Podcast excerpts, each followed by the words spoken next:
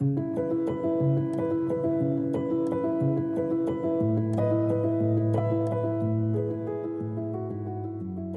etter Alma av Mariann Nergård Johansen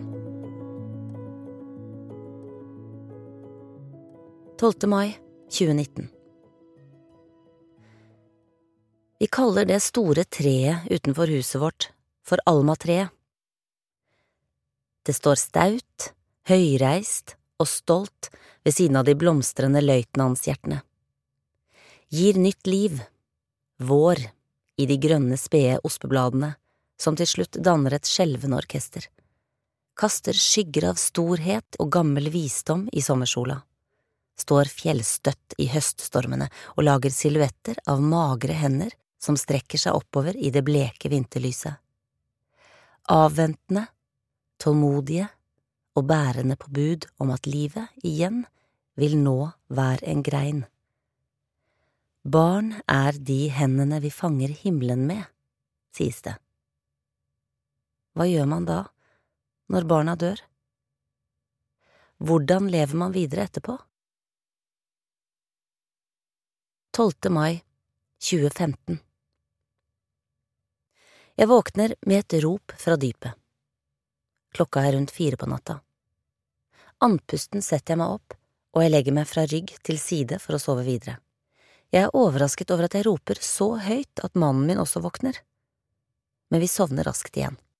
Det er dag to i fødselspermisjonen, og jeg pusler rundt hjemme med å vaske klær, vognpose, og jeg får etter hvert en venninne på kaffebesøk. Hun er fortvilet og står midt oppi en stygg separasjon. Jeg er en så god venn som mulig, støtter, snakker, men jeg skjønner egentlig ikke omfanget av hennes tap. Under samtalen tar jeg meg jevnlig til magen men jeg synes det er så stille der inne, så tomt. Hun skvulper rundt der, men det er liksom så passivt der inne, så uengasjert, så livløst. En tanke som streifer meg med jevne mellomrom denne dagen, er at det er som om hun er borte. Det er som om hun er borte. Hun er borte. Jeg beroliger meg selv. Dette er noe som skjer andre. Det er helt absurd at min datter, vårt barn, alles lille Alma, skal være noe annet enn hun som kommer ut til oss om to og en halv små uker. Jeg skyver tankene vekk. I dag handler det ikke om meg og min urolige underbevissthet. I dag handler det om en venninne som er full av sorg, sinne og fortvilelse. Min skadeskutte venninne drar for å fortsette å vaske ut av huset de hadde kjøpt, det som skulle romme lykken og fremtiden i det hele. Jeg føler sånn med henne, men tenker også at dette vil passere. Å miste en planlagt del av fremtiden kan da vel erstattes med noe annet? Det uforutsette kan romme muligheter. Dette tenker jeg på mens jeg lager kyllingsuppe til mannen og sønnen som kommer hjem fra sine forpliktelser. Min forpliktelse for tida er å vagge høygravid hjemme og tenke milde og moderlige tanker om det som skal komme. Lese i boka Tause skrik av Håvard Rem, som handler om norsk black metal. Den hadde jeg kjøpt til dette formålet. De siste stille ukene jeg skal tilbringe i ren selvomsorg før den fine gjengen vår på tre skal utvides til fire.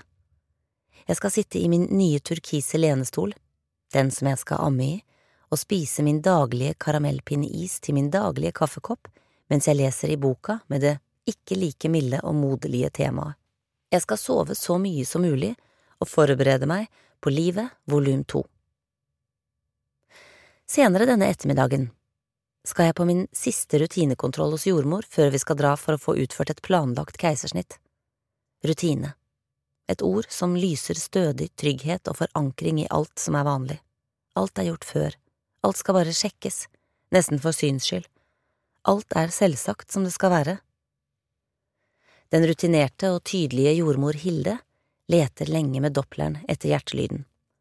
Men siden jeg har mer enn nok bukfett, så er det ingen grunn til uro, sier hun. Hun skal hente en annen. I mellomtiden sender jeg en SMS til Allan og sier at de ikke finner hjertelyden, men at det sikkert skyldes maskinen. Det er i hvert fall ikke mennesket som har sviktet. Jeg får et svar som indikerer uro over at han ikke er der med meg, men jeg føyser vekk. Det er da vel ingen grunn til panikk. Mennesker trumfer maskiner. især når det gjelder det mest naturlige som et menneske kan drive med, bygge en kopi av seg selv innvortes. Selv om det er sen ettermiddag, er det fortsatt en gynekolog på jobb i bygget, og hun har et ultralydapparat på kontoret sitt. Vi går bort dit, så vi får sett at alt er i orden. Jeg legger meg ned på benken og ser i taket.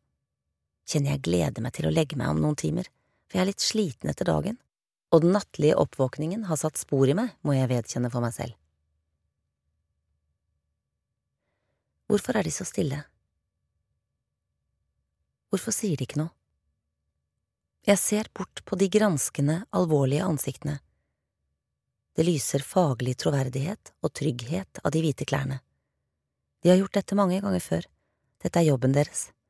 Dette er en del av deres profesjons-DNA. Hvorfor smiler de ikke? Hvorfor vender de ikke skjermen mot meg? Hvorfor snakker de ikke til meg og sier at her er hun, og alt er fint, jeg er jo mammaen. Det er mitt barn de kikker på. Så sier de ordene som meisler ut en ny fremtid, et paradigmeskifte, en ny tidsregning. Jeg er så lei meg, men hjertet slår ikke. Hun lever ikke. Hjertet slår ikke. Hun lever ikke. Borte. Stillhet. Stopp alle klokkene, hun er død. Jeg faller gjennom benken, gjennom gulvet, gjennom jordskorpen, ned i mørket. Jeg roper nei. Eller er det et taust skrik? Så går alt veldig fort. Jeg ringer Allan, som gråtende tar telefonen. Intuitivt har han skjønt at det er noe galt ettersom tida har gått og jeg ikke har gitt lyd fra meg. Jeg ringer mamma. Jeg ringer pappa. Egentlig vil jeg ha alle førstesider i alle verdens aviser ryddet. Ungen min er død. Hjelp meg! En stund etter at ordene har perforert fornuften og satt seg i hjernebarken, tar jeg grep snakker sindig og fornuftig med dem som vil hjelpe, tenker løsninger. Kan vi få utført et keisersnitt på Hammerfest sykehus klokka tolv, dagen etterpå så kan vi ta med oss sønnen hjem klokka 17, da rekker vi hjem til leggetid. Våre irrasjonelle tanker fremstår som ren logikk i den tilstanden vi er i. Nei, det går ikke å ha sønnen vår på halvannet år med på dette, sier de. Dere må få en barnevakt til å være sammen med ham. Elskede storebror, han kom sammen med pappa Allan på helsesenteret, og selv om foreldrene hans er gått i stykker, så tasser han stille, granskende og forsiktig rundt, iakttar oss som vekselsvis klemmer ham og hverandre, som snakker rolig og som hikster høyt. Fasaden vår, som han kjenner som trygg og rolig, har krakelert. Vi er som små barn som trenger trøst, som har gått seg vill på et kaotisk kjøpesenter, som virrer rundt uten anker på det lille personalrommet, mens hjelperne snakker i telefonen. Vi må kjøre hjem og vente. Dagen etterpå skal vi kjøre til Hammerfest og ta det derfra. Jeg går ut i den skarpe maikvelden uten sko. De står igjen på jordmors kontor. Hun løper etter meg med skoene, gir meg en klem, og sier senere at hun aldri har sett et tristere syn enn da jeg går bak sønn og mann bort til bilen, barføtt. Kroppen min som stødig og stoisk bar preg av at jeg går med et ekstra hjerte i magen, og et tilskudd til familien og verden, er nå frarøvet en del av vår felles fremtid. Nå er den struttende og stolte magen min fylt av døden. Vi hviler litt, vi gråter mest, vi hyler i puter, vi puster så fort at vi må holde oss fast, vi stirrer apatisk ut i rommet. Vi snakker om at ja ja, dette skal vel gå bra, vi messer mumlende for oss selv besvergelser om at hun er død, men kanskje de tar feil. Jeg begynner å lese, tenke og planlegge. Jeg leser på Lubs hjemmeside at vi må ta bilder, ta med klær. Vi må ta vare på alle minner, for nå er det slutt. Jeg kaster bleiekaka jeg fikk av elevene mine ned kjellertrappa. Den som ble gitt med omsorg og kjærlighet, er nå et monument av kroppslig svik. Jeg slenger små, nyinnkjøpte klær inn i klesskapet.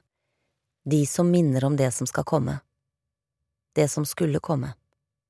Det som ikke kommer. Jeg er rasende og fornuftig. Jeg er taktisk og utrøstelig. Jeg pakker dødskoffert og spyr. Jeg lader kamera og bestille flybillett til mamma, som heldigvis kan komme opp og bistå oss med storebror. 13. mai 2015 Morgenen etter står vi og ser på den vakre vårhimmelen bre seg utover Altafjorden. Den brune plenen vitner om livet som snart skal komme.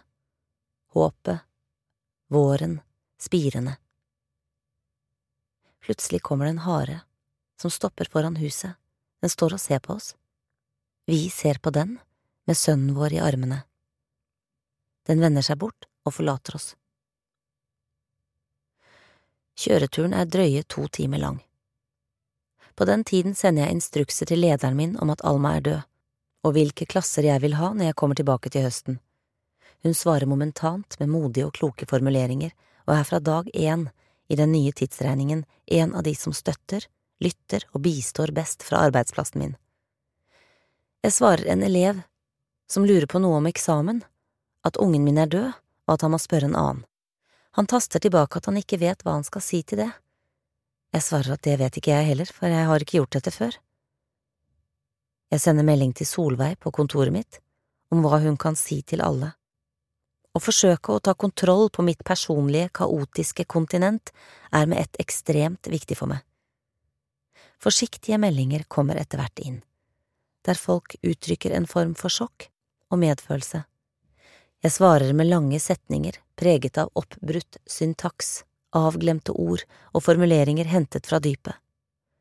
Fremme ved sykehuset merker jeg at verden begynner å kreve litt for mye av meg.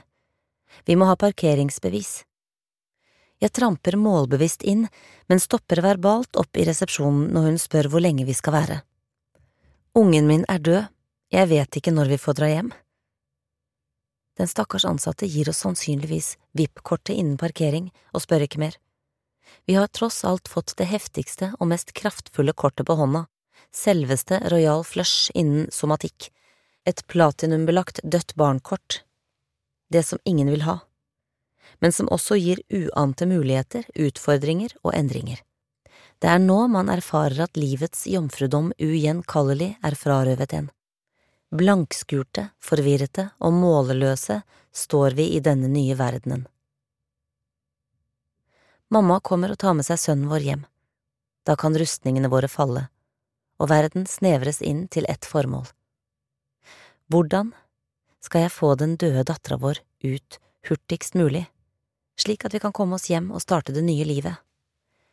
En halvsirkel av faglig kompetente hjelpere sitter rundt oss og messer at det beste er at jeg føder henne. Mannen min kaller det et overgrep. Vi vil ha keisersnitt. Det skulle jeg jo ha, i alle fall. Det stemte, men nå var det ikke lenger fare for barnets liv. Jeg blir rasende. Så resignerer jeg, og kroppen slår seg av, kapsler henne inn, og dagene skal vise at kroppen ikke vil gi slipp på henne. Timene går, det er ultralyd som gir meg håp om at de har sett og tatt feil før. Det hadde de selvsagt ikke, men tanken var der. Jeg får drypp, jeg får tabletter, jeg får endelig morfin. Det prates og gråtes. Vi venter på at noe skal skje. Vi går en tur og tar solarium. Selv om det er det mest absurde å gjøre i vår tilstand, så er det både rett og godt, og vi ler litt galgenhumoristisk av innfallet.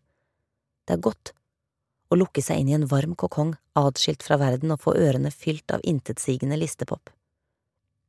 Dagene går i en tåke, men fem dødsannonser blir ordnet.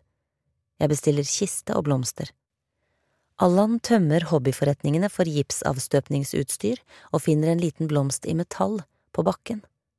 Han kjøper et hjerte som skal knekkes i to for at man skal kunne forenes når man møtes. En liten tøykanin blir kjøpt inn for at hun ikke skal ligge i den lille kista alene. Vi skal ikke møtes mer enn de få timene vi er sammen etter fødselen. 16. mai 2015 Kroppen min er på bristepunktet av hva den kan utholde. Dagene med venting, smerter, tårer, morfin og mange, mange hender som har trykket, klemt og kjent overalt, har satt sine spor.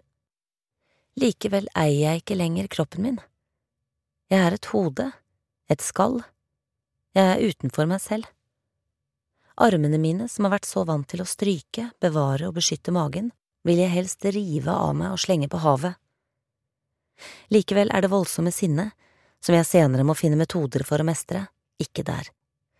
Men trassen, det er den som blir min veileder når underlivet endelig står i brann og jordmor sier at jeg må legge meg i fødesenga. Så går alt veldig fort. Fire kloke, kompetente kvinner står i en halvsirkel rundt bena mine. Instrumenter bytter hender. De kommer med korte og tydelige beskjeder til meg, akkurat som jeg har instruert dem om. Mannen min, den tapre og fortapte mannen min, gjør det han kan best nå. Lar meg knuse hånden hans når riene kommer, selv om morfintåka demper det meste av smertene. Gråter for meg og er fortvilet for meg. Lar meg være i fred, snakker ikke til meg fordi jeg ikke ønsker det. Men han står der, på min høyre side. Jeg er derimot gått inn i en superkvinnemodus og gjør det kvinner alltid har gjort. Henter frem urkreftene. Fokuserer, puster og presser. Plutselig kommer det en lunken spurveunge opp på brystet mitt. Storebrors nese, mine fingre, Allans tær, den vakreste jenta vi har sett. Det er en tsunami av endorfiner og alle lykkehormoner tilgjengelig som freser gjennom blodbanene mine. Før virkeligheten innhenter oss. Jeg uler fra bunnen av min sjel. Av stolthet, av adrenalin, av den svarteste sorgen et menneske kan kjenne. Jordmødrene snur seg bort og gråter. Mannen min gråter. Den grå morgenhimmelen utenfor gråter. Den eneste som vi skulle ha ønsket skulle gråte i rommet, er helt stille. Men hun er den fineste jenta vi har sett. Jobben jeg har gjort, er mitt stolteste verk, og det kan ingen død ta fra oss. Vi sover tungt i et par timer med vår ønskede, elskede og ventede datter mellom oss i en liten balje, med dyne på med øynene lukket, med navnelapp rundt armen. Vi er så stolte, så revet i to av følelser av stolthet og avmakt. Så starter det vi har forberedt oss praktisk på i flere dager. Vi holder, kysser, bysser, kler på henne, tar mange, mange bilder, klemmer hverandre, går i ring som noen løveforeldre hvis barn er tatt av krypskyttere, gråter høyt, vi har en avskjedsseremoni i kapellet på sykehuset, der vi spiller av fire sanger vi har valgt i fellesskap, én fra hver av oss foreldre, Blown Away av Sivert Høyem fra pappa, I'm Blown Away, Yet You're Always With Me Still. Pappa, som har fått sin datter visket vekk fra hendene sine. Vi gråter høyere og heftigere når vår tid til å skinne som foreldre er kommet gjennom de ordene vi ikke selv har funnet på, men som er hentet fra lyrikkens verden. Sorgen og gleden, de vandrer til hope, lykke og ulykke, de ganger på rad. Den gamle barokksalmen, sunget av Kari Bremnes, er fra Ateistmamma, men som denne gang lar sangens budskap trumfe det religiøse bakteppet.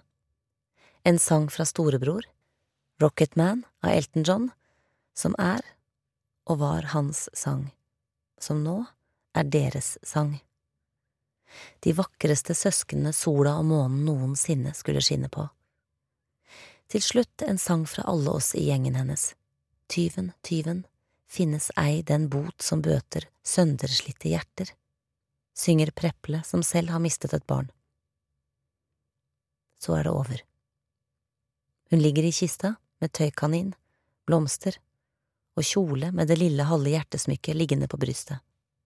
Jeg forsøker å synge for henne før lokket med liljene blir lagt på, men stemmen min svikter meg. Sangen er komplett irrasjonell og gir ingen mening i denne sammenhengen. Jeg har en tulle med øyne blå. Hva vet vel vi om det? Vi fikk og får aldri sett henne i øynene, for de er permanent lukket og sammen med dem lukker vi synet av henne inn i våre sinn denne dagen. Men de merkene hun etterlater i vår families historie, i min kropp og i sine foreldres relasjon, vil alltid være der. Disse minnene vil vi alltid ha.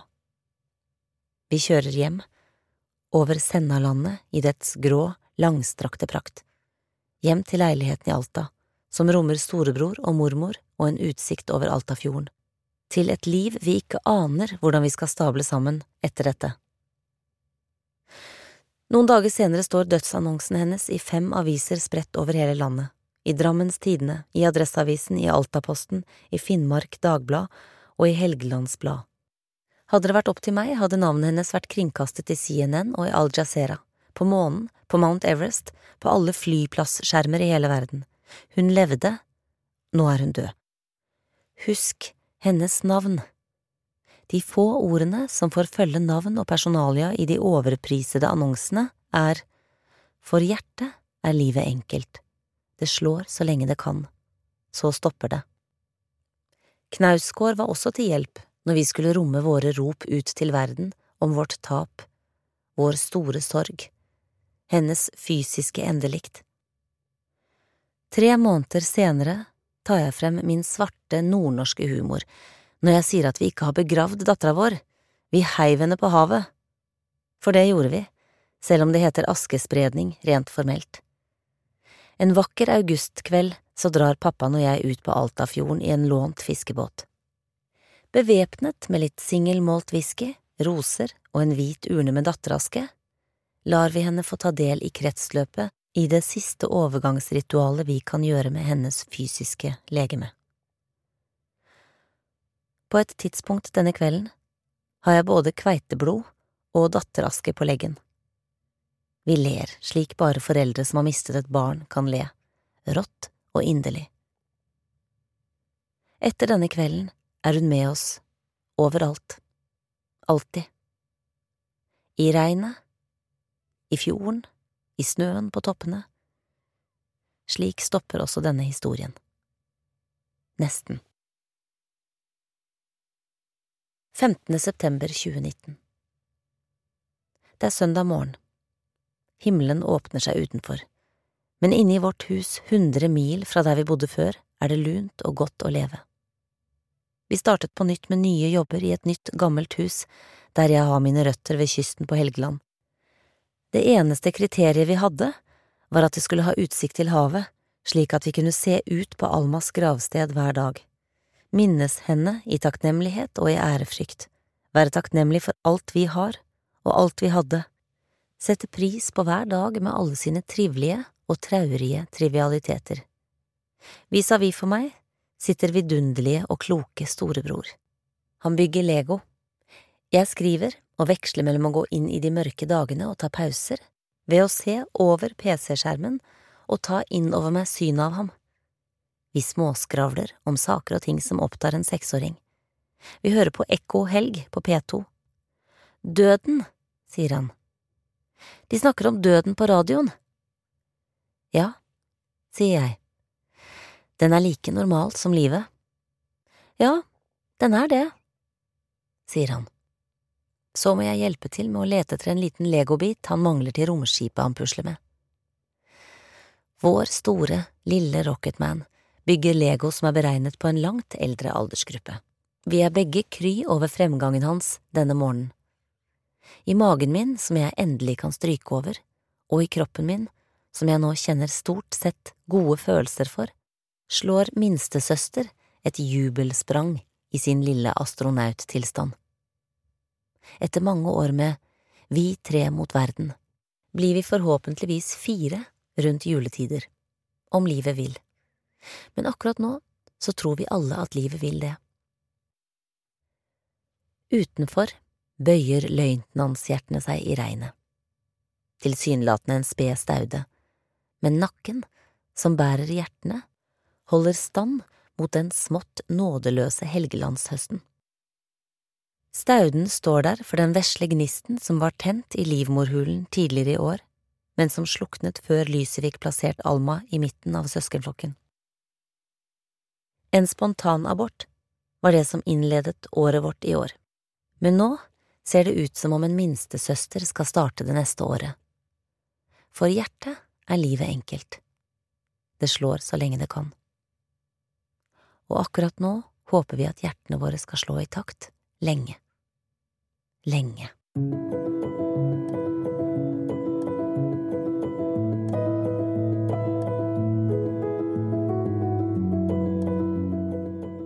Arven etter Alma er skrevet av Mariann Nergård Johansen og ble lest av Ine Jansen. Podkasten er utgitt av Landsforeningen Uventet barnedød med støtte fra Stiftelsen DAM. Produsert av Nitro.